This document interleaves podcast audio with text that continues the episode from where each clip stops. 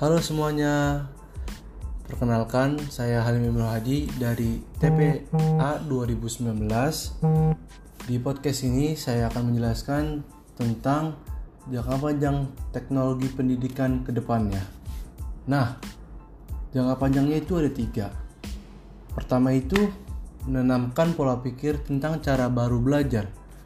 Dengan, peker, dengan perkembangan teknologi dan internet saat ini, dan mungkin 10-20 tahun ke depan proses belajar dapat terjadi kapan saja, di mana saja, dan dengan siapa saja tanpa ada batasan waktu. Sebuah studi 2018 menunjukkan kalau masih ada pendidikan formal di dalam kelas merupakan satu-satunya jaminan untuk memperoleh pekerjaan. E, misalnya dengan mengedepan, mengedepankan kurikulum pembelajaran campuran antara tatap muka dan digital. Yang kedua itu menyiapkan regulasi untuk mengembangkan super belajar digital.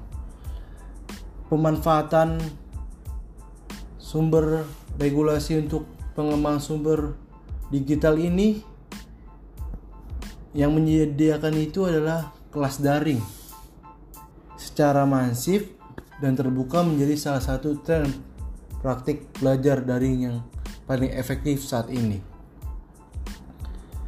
Selain, selain jumlah kelasnya yang masih sedikit, di sini bahwa tiket penyelesaian kelas daring ini sangat menarik karena ruang lingkupnya bisa terbatas dan bisa kurang. Dan langkah alternatif untuk kelas daring ini adalah yang dijelaskan oleh dan Nadiem Makarim ini membuka mahasiswa untuk lebih besar mencangkup seluruh platformnya.